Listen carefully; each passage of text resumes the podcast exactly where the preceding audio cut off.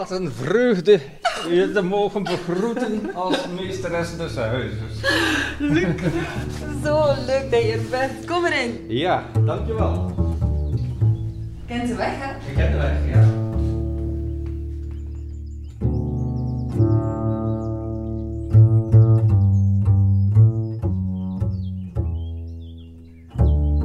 Er zijn dorpen en er is Watu. In de zomer verwelkomt Watu je kwispelend. In de winter rolt het zich ongenaakbaar op als een hond in de mand van de Westhoek. Telkens als ik na een lange rit Watu binnenrijd en de eindeloze velden, de trotse hopranken en de spitse kerktoren zie, vertraagt mijn hartslag als vanzelf. Ik logeer in het huis van de dichter, een plek waar de muren veel te vertellen hebben.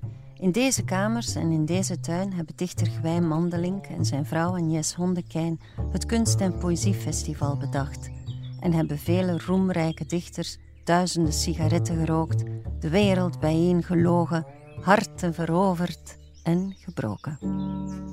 Ik ben Jelle van Riet, ambassadeur van het Huis van de Dichter en literair journalist voor De Standaard. Ik wil jullie graag aansteken met mijn liefde voor poëzie en heb daarom een favoriete dichter uitgenodigd, met wie ik een dag, een nacht en een ochtend in het huis en in het dorp doorbreng. We praten over poëzie, omdat praten over poëzie hetzelfde is als praten over het leven. De gast vandaag en morgen is Luc Gruwey, proza-schrijver en essayist, maar voor en boven alles dichter. Met zijn zwierige en bandeloze gedichten, met zijn grote liefde voor kleine mensen en met zijn eeuwige neiging tot zelfspot neemt hij in de grote dichtersfamilie een unieke plek in. In zijn recent verschenen bundel Balts onderzoekt hij het onstuimige balderen voor de paring.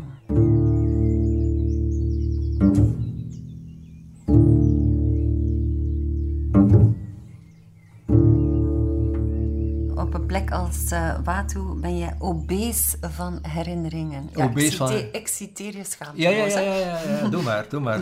Men mag mij bestelen zoveel men wil. Ja, nee, inderdaad. Ik heb zoveel herinneringen aan deze plek dat ik eh, eigenlijk al die herinneringen door elkaar begin te slaan. Eh, Wel, in eh, de dagboeken van Gwij Mandelink Ja. eh, las ik dat jij hier was op 20 augustus 1983. Eh, hier heb je op de Kleine Markt, hier in Mhm, dat- Watu, dat weet ik nog, ja. voorgelezen in helwit pak. ja, En de vingers licht vergeeld door geparfumeerde sigaretten. Je was toen 30 en eh, je las verzen voor als... Nog jong noemt men mijn generatie, wijl zij zo gelig als heel oude boeken is en reeds onkennelijk bestoft tot in de ziel. Ben je met een bestofte ziel geboren, Luc?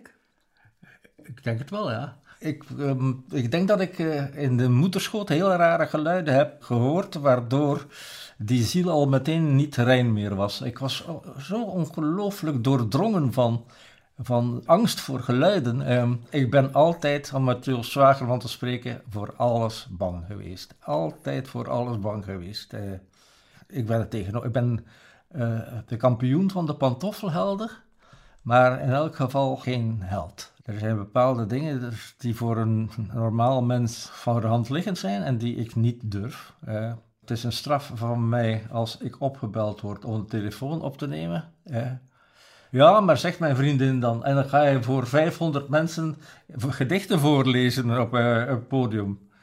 Maar dan vergeet ze dat ik hem natuurlijk eerst verdoofd heb middels een tranquilizer. Hier hoef je nergens bang voor te Nee, zijn. maar, maar ik ben een banger. Ik ben een banger.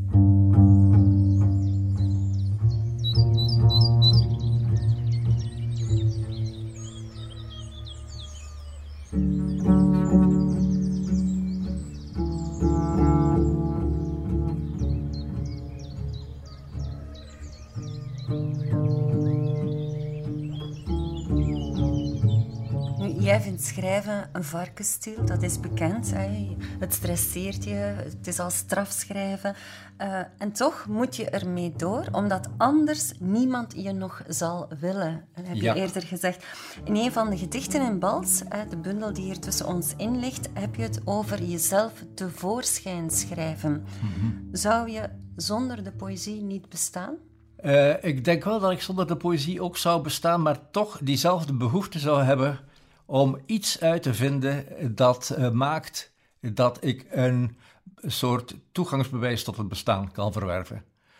En een ander kan dat bijvoorbeeld doen door een, een, een goede meubelmaker te zijn, of een, eh, een juwelenontwerper, of weet ik veel wat. Maar er zijn weinig dingen die ik kan. En vanuit een soort onvermogen is het uh, zo dat ik een beroep gedaan heb al vrij jong op de poëzie. Mhm. Met Bals, de titel van je laatste bundel, bedoel je effectief het balsen en balderen dat voorafgaat aan de creatie. Mhm. Niet alleen van kunst en poëzie, maar natuurlijk ook van een mens. Is het balsen opwindender dan het creëren zelf? Ehm, het is datgene eh, wat absoluut moet voorafgaan aan het creëren zelf. Hè. Je komt niet aan het creëren zelf toe, of je denkt er gewoon niet aan te creëren als, uh, als je niet eerst aan het balsen slaat. Uh, um, ik denk dat um, het balsgedrag eigenlijk veel creatiever is dan het uitvoeren van de geslachtsdaad bijvoorbeeld. Het is, het is namelijk het, het, begin van alle verlangen dat uh, een vorm krijgt. Mag ik daarin ook een verlangen ontwaren naar vrijheid, naar lichtvoetigheid, naar dierlijkheid? Naar... Ja. ja, absoluut. Um, dat heeft waarschijnlijk intrinsiek te maken met het feit dat ik uh, uh, iemand ben die, die barst van de zenuwen. Uh, ik herinner mij dat mijn grootmoeder, toen ik als knaapje in een knapenkoor in een deerlijk of all places zong, dat hij na afloop, toen ze komen luisteren was, zei, er waren nu veertig zangertjes en van die veertig zangertjes was jij de zenuwachtigste. En zo zenuwachtig ben ik gebleven. En daardoor komt het eigenlijk dat ik denk, dat ik eens uh, snak naar een gedachteloos bestaan, uh, waarin me eindelijk de rust vergund wordt. Het is een rust die niet per se de dood is. Zou je zo goed willen zijn, Luc, om uit je bundel Bals het gedicht Bokser te lezen? Een gedicht waarin, als het ware, met het spiegelbeeld wordt gebalst. Bokser. Ik hou niet op tot ik ben uitgeteld plompweg tegen het canvas geklopt. Mijn spiegelbeeld verraadt geen bloedneus of gezwollen oog.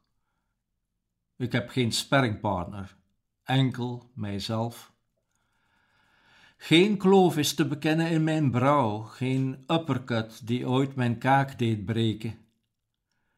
Waarom houd ik mijzelf dan voor bekeken? Terwille van de trieste roes van het verlies? Maar op een dag zal ik het halen, zeker. Red mij, red mij, zal ik smeken, en redden zal ik het. O, laat het in mijn holle kop zo galmen, dat iedereen mij al van ver kan horen dromen. Bang ben ik niet, maar kijk mij minzaam in de ogen, aai mijn wangen, Bewonder mij desnoods en smijt in elk geval mijn spiegelstuk, zodat ik word bevrijd.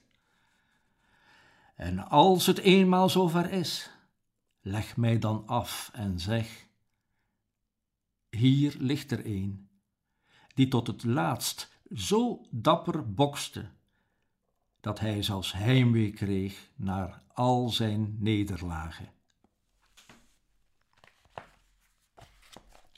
De dichter die zich Mohammed Ali waant, maar toch vooral slaag krijgt en in de touwen hangt, knock-out eindigt. Meer gruwee wordt het niet, denk ik dan. Het, uh, het is een gedicht dat zo'n jaar of acht geleden, vermoed ik, ontstaan is.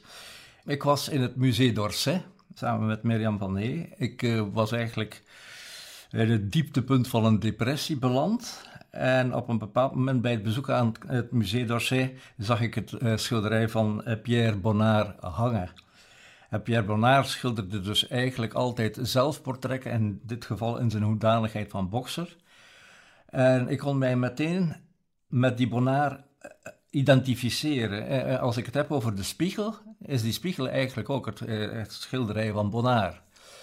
En het correspondeerde ook perfect met hoe ik mij toen voelde. Een bokser zonder sparringpartner, enkel zichzelf? Ja, compleet geïsoleerd. Eh, en tegelijkertijd zoekend naar een uh, spiegelbeeld en teleurgesteld door dat spiegelbeeld, zodat hij de hulp inroept van iemand die de spiegel stuk slaat. Ben je je eigen dodelijkste tegenstander? Ik ben, het zal je misschien verwonderen, iemand met een enorme veerkracht.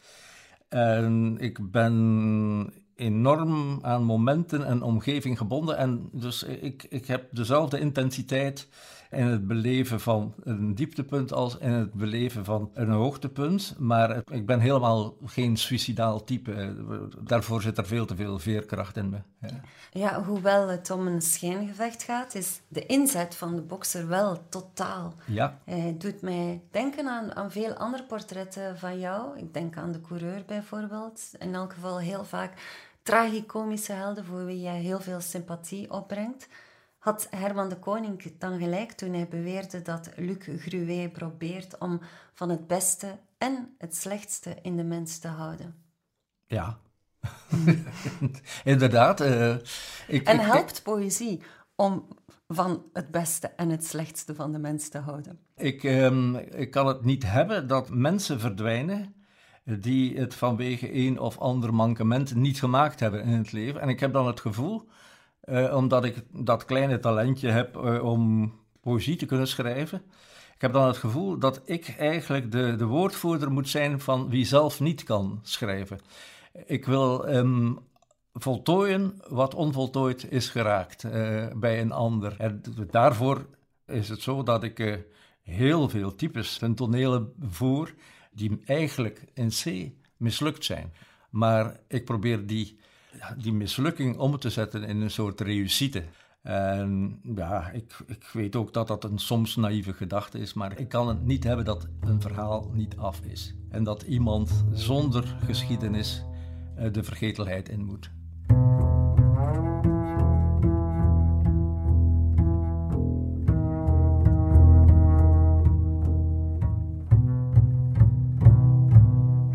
Ik word tegelijkertijd vrolijk en droevig van het gedicht Bokser, waarin Luc zich Mohammed Ali waant.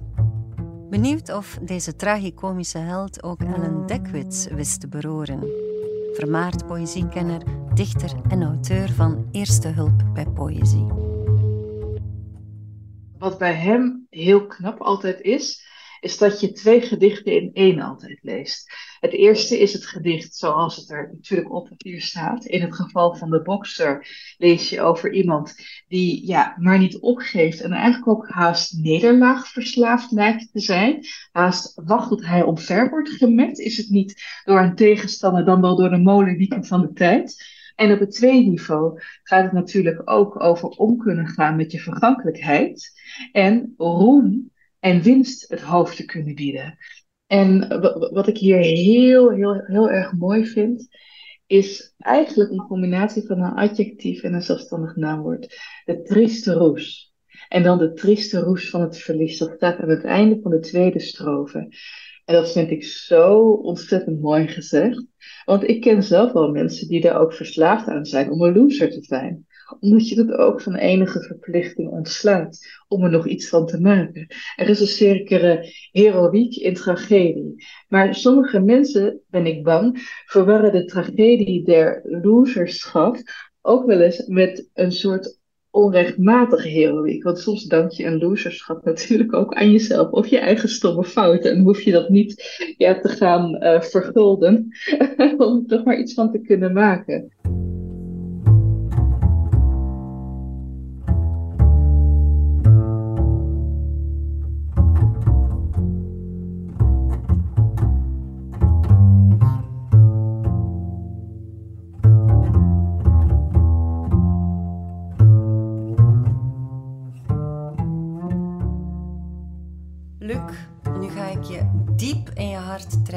En je eraan herinneren dat je eigenlijk een mislukte coureur bent.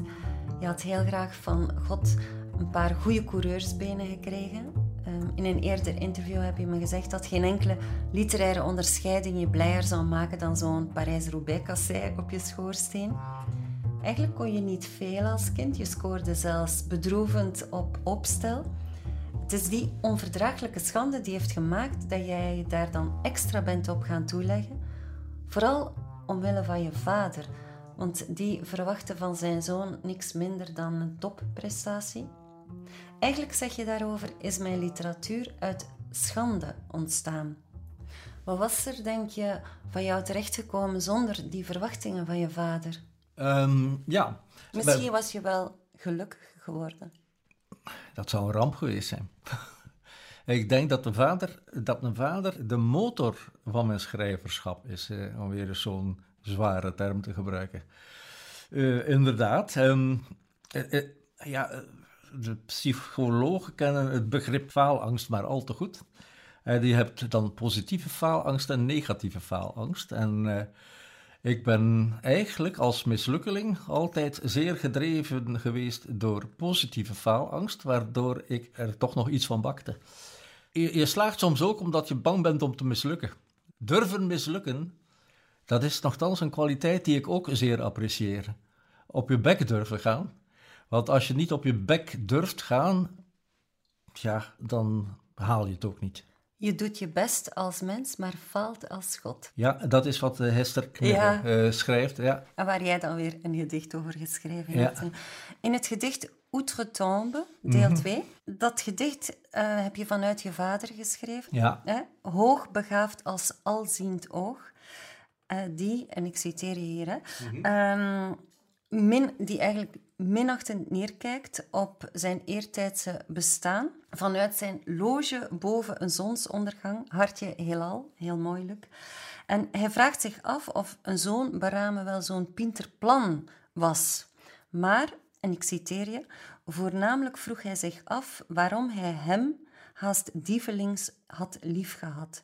Zoveel lentes, zomers van zijn korte leven en hem dit nooit had verteld vertelt hij je alsnog dat hij van je hield in een gedicht dat jij zelf geschreven hebt? Ik denk het wel, ja. Mag ik antwoorden met een anekdote? Dat. Mijn vader was een handelsreiziger. Mijn vader vertegenwoordigde dus alle mercantiele kwaliteiten van Zuidwest-Vlaanderen, wat toen ter tijd de Texas van, van Vlaanderen genoemd werd. Uh, en uh, ja, hij vond dus dat ik het net als al die andere kinderen van Zuidwest-Vlaanderen moest maken door, door te slagen op handelsgebied. Maar ja, toen zag je waarschijnlijk ook in dat Gruwe Junior daar niet al te veel talent voor had. Maar hij heeft dus eigenlijk over die poëzie van mij niks, maar dan ook niks prijsgegeven. Maar na zijn dood, toen ik zijn kasten leeg maakte, trof ik uh, een kartonnen doos aan met alle mogelijke, de, de belachelijkste kleine artikeltjes die over mij geschreven zijn. En, en dat vond ik zeer ontroerend, er zat ook een album bij, waarbij hij sommige van mijn gedichten van een foto voorzien had die hij zelf gemaakt had. En daar heeft hij me nooit met één woord over gesproken. ik heb later ook wel vernomen dat hij wel over mij sprak tegenover zijn klanten tegenover mij heeft hij nooit één woord van waardering uh, uh, uitgesproken, behalve nu in dit gedicht. Het, het, antwoord namelijk op die vraag, was het wel zo'n Pieter Plan, is eigenlijk ja, maar is wel dood.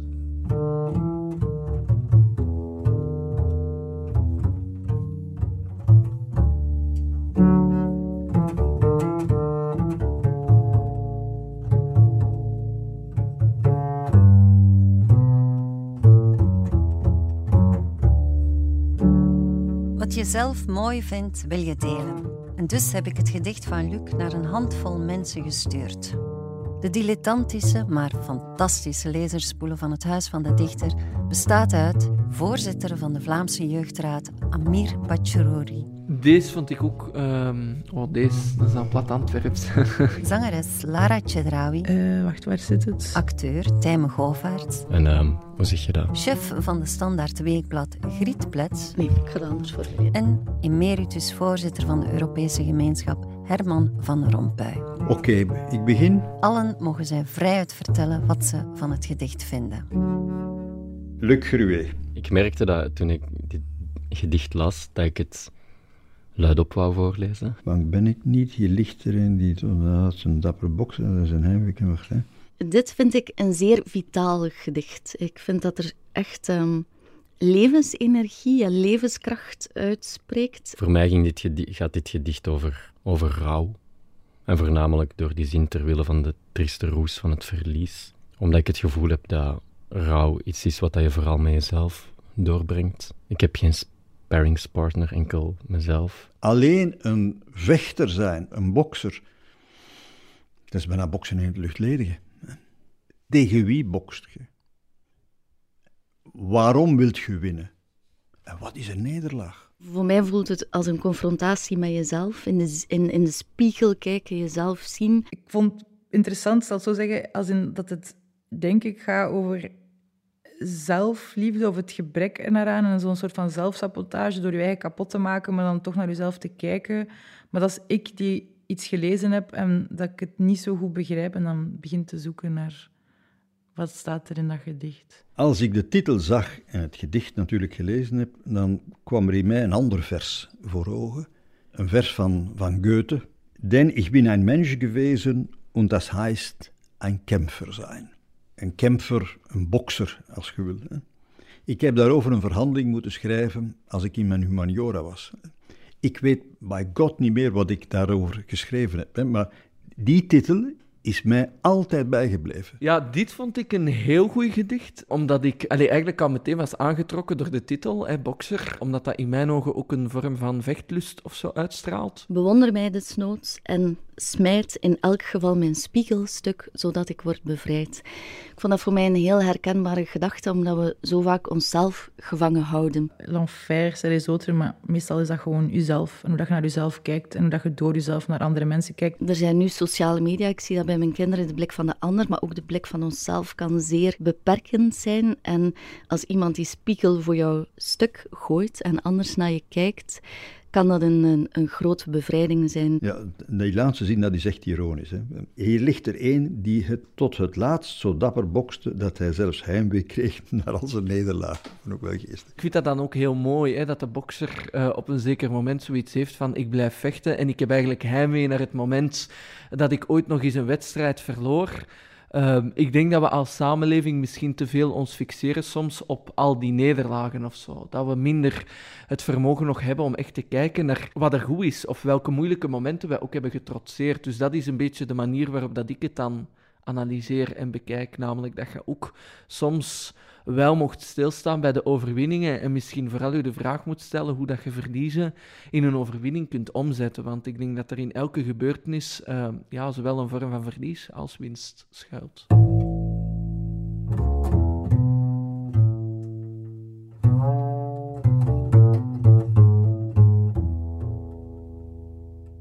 Ja, je hebt poëzie wel eens de oudste industrie van het verdriet genoemd. Laat het geluk zich dan slecht in verzen vangen? Ja. Ja, geluk is vanzelfsprekend. Bij ongeluk, daar moet je zelf bij spreken.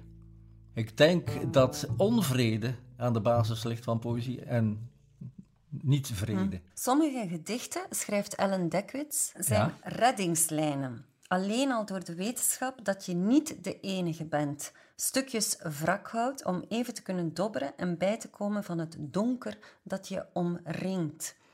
Kan poëzie angst bezweren? Bestaansangst? Mm, poëzie maakt ook angstig. Herman de Koning had het over de troost, en de, de troostende functie van de, de poëzie.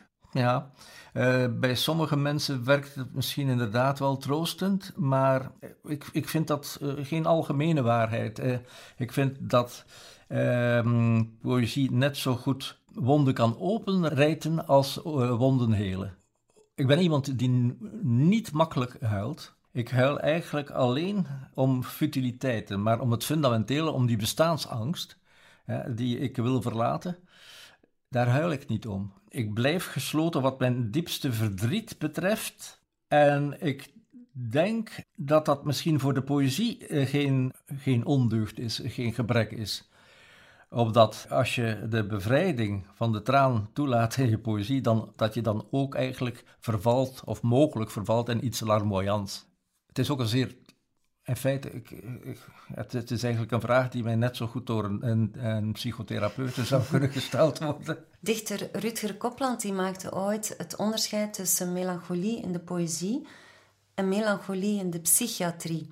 En in de psychiatrie betekent melancholie dat je um, tot geen enkele emotie meer in staat bent, terwijl melancholie in de poëzie juist een tegengif is, een middel um, om het niet zo ver te laten komen.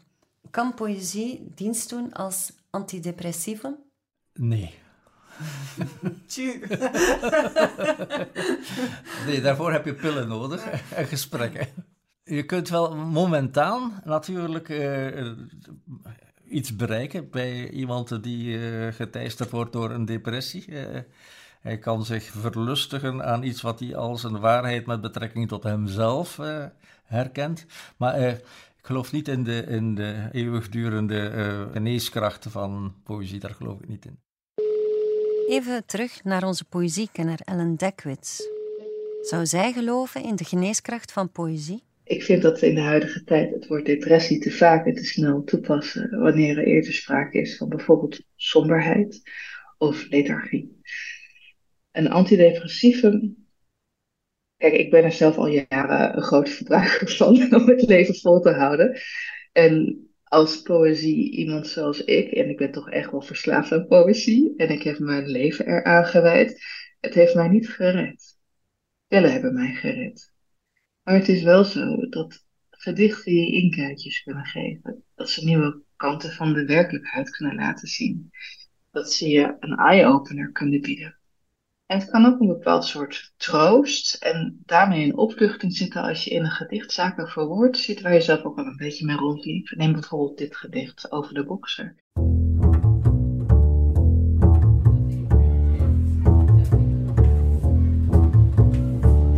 Het is kermis in Watu.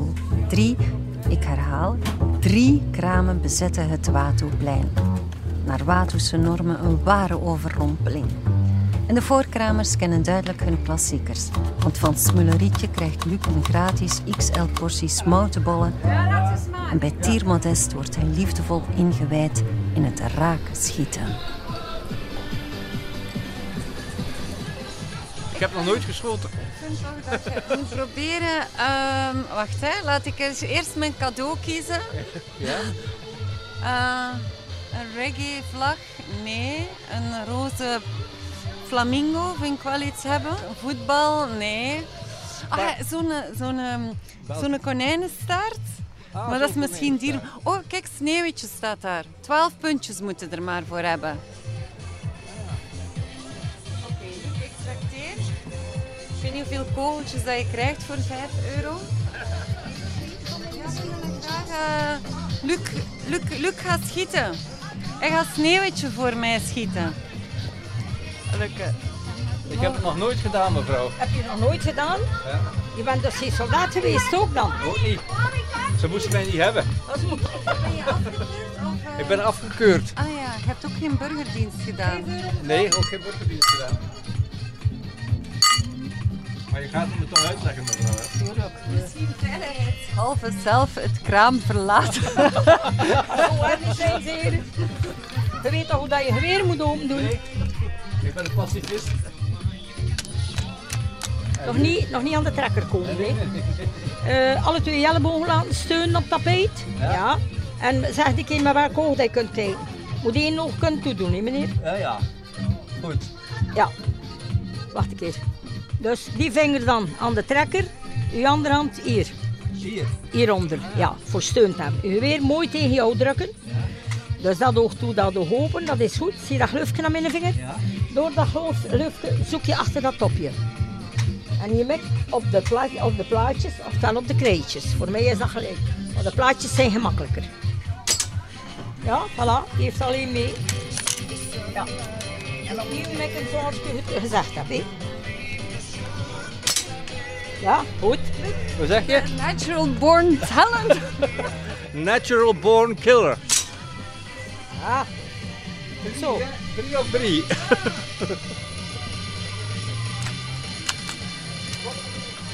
Nee, weet wordt boor tot de mogelijkheden.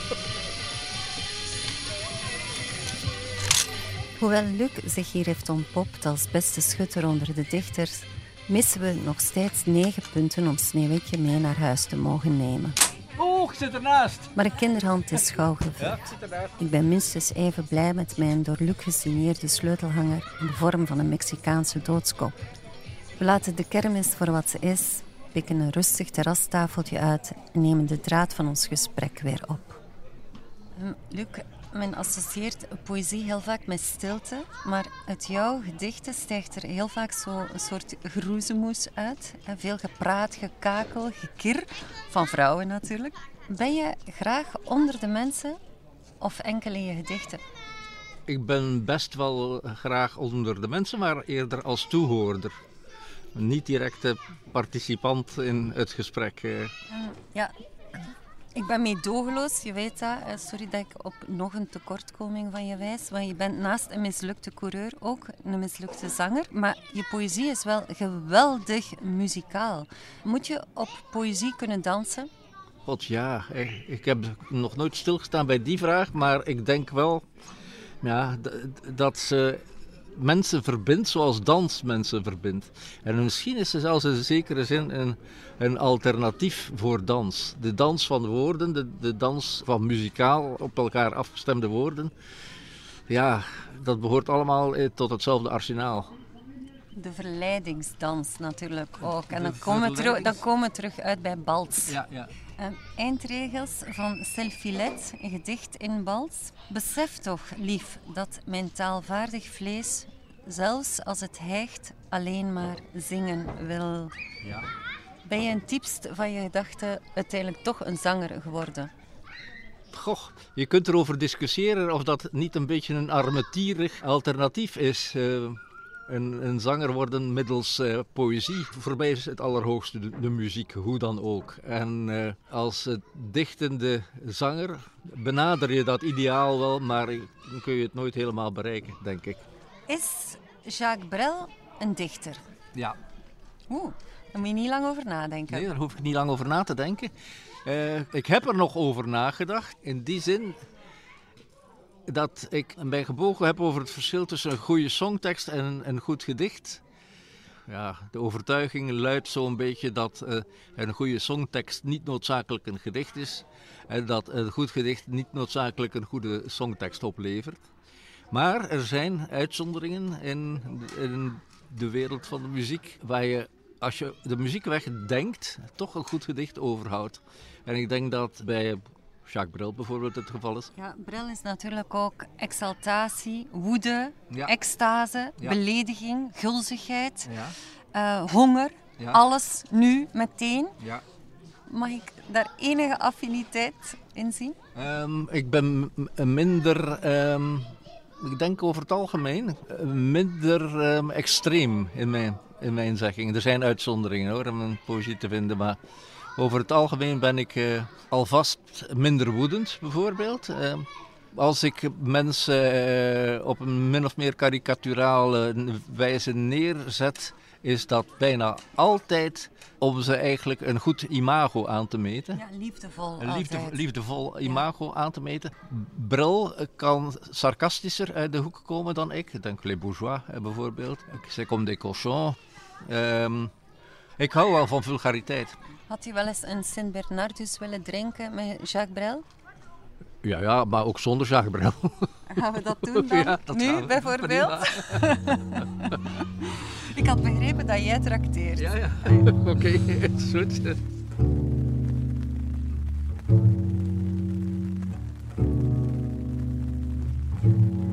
Voor het huis van de dichter moet u in de Kapelaanstraat zijn.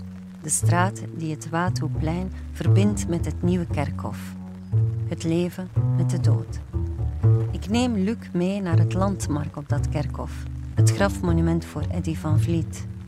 U weet misschien dat grote raam dat zicht biedt op de weilanden en waarin Van Vliets gedicht Dood staat gegraveerd. De regen zorgt voor de passende soundtrack de dichter is zo galant om de paraplu vast te houden.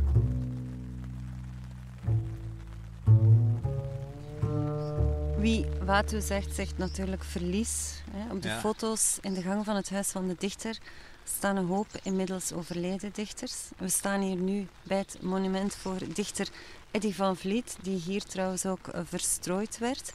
De eerste strofe van een ouder gedicht van je, Jubileum, uit Ja. de bundel Lagerwal, Hm. klinkt zo. Een paar van ons zijn er verdomd al niet meer bij. Soms klinkt het in ons hoofd volmondig hol, als in een kamer waar de inboedel is weggehaald. Wij missen hun aparte onomatopeeën, hun kwaadsprekerij, de vuilbekkerij, de sluwe stilistiek van god of geilheid en hoe het hommelbier kon klotsen in hun jamben.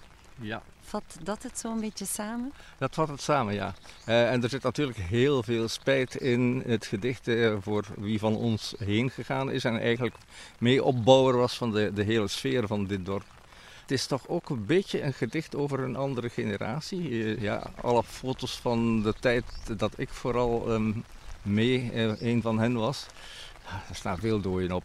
Er staan veel dooien op en het is een thema geworden ook in, in mijn werk in het algemeen. In mijn werk geef ik een plaats aan doden, hè, omdat ik gewoon niet wil hebben dat iets ophoudt of iemand ophoudt.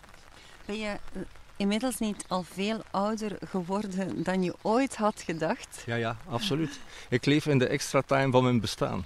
Dat is afhankelijk van toevalligheden hoor. Eh, gewoon door het feit dat mijn ouders jong gestorven zijn. Ja. Eh, ja, ik was was dan 30, 30, ja, ik was Ja. 30 en eh, dat had tot gevolg dat ik toen ik 54 werd, dat is de leeftijd waarop mijn moeder gestorven is, het, dat ik het gevoel had dat het nu mijn beurt was. Maar ja, kijk, toen ik 20 was, dacht ik dat ik als een waardige dandy 27 zou worden en dat het ook niet veel meer hoefde te zijn. Maar toen ik 54 werd, eh, begon ik mij te spiegelen aan andere doden die eh, succesrijker geweest waren in overleven. Is de poëzie dood? De poëzie is niet dood, maar ze zal de wereld niet redden. Op de vraag is de poëzie dood? Antwoordde Herman de Koning. Ja. Nee, want dat kan niet. Het is zoiets als de eenhoorn in de middeleeuwen. Zijn getalsterkte was niet zo belangrijk, maar het geloof dat hij moest bestaan en de zuiverheid waarvoor hij stond. Hij hoefde niet eens echt te bestaan als je er maar naar op zoek kon. Ja. Blijf jij er naar op zoek zolang je ademt? Ja, ik denk het wel. Ik laat me niet knechten. Ik denk dat het, als je dat geloof verliest, ook al is het een, een naïef geloof, ja, dan moet je, moet je er maar helemaal een punt achter zetten. Ik denk eh, dat je moet blijven streven, ofwel moet je je een kogel door de kop schieten. En ik heb, geen, ik heb dat, laatste, eh, dat laatste wil ik liever niet. Nee, alsjeblieft niet.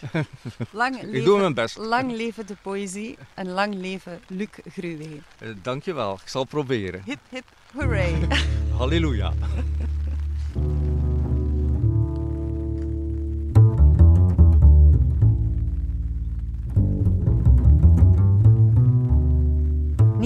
Luc Gruwij kwam het huis van de dichter verlevendigen met verzen en verhalen. Elke zaterdag verschijnt er een nieuwe aflevering van de podcast Huis van de Dichter. U hoort telkens een andere, wijze, straffe en mooihartige dichter breed vertellen. Luister dus zeker ook naar de andere afleveringen. Opname en montage van deze podcast zijn van Pauline Augustijn. De muziek is van Nicola Rombouts. Heel graag tot de volgende.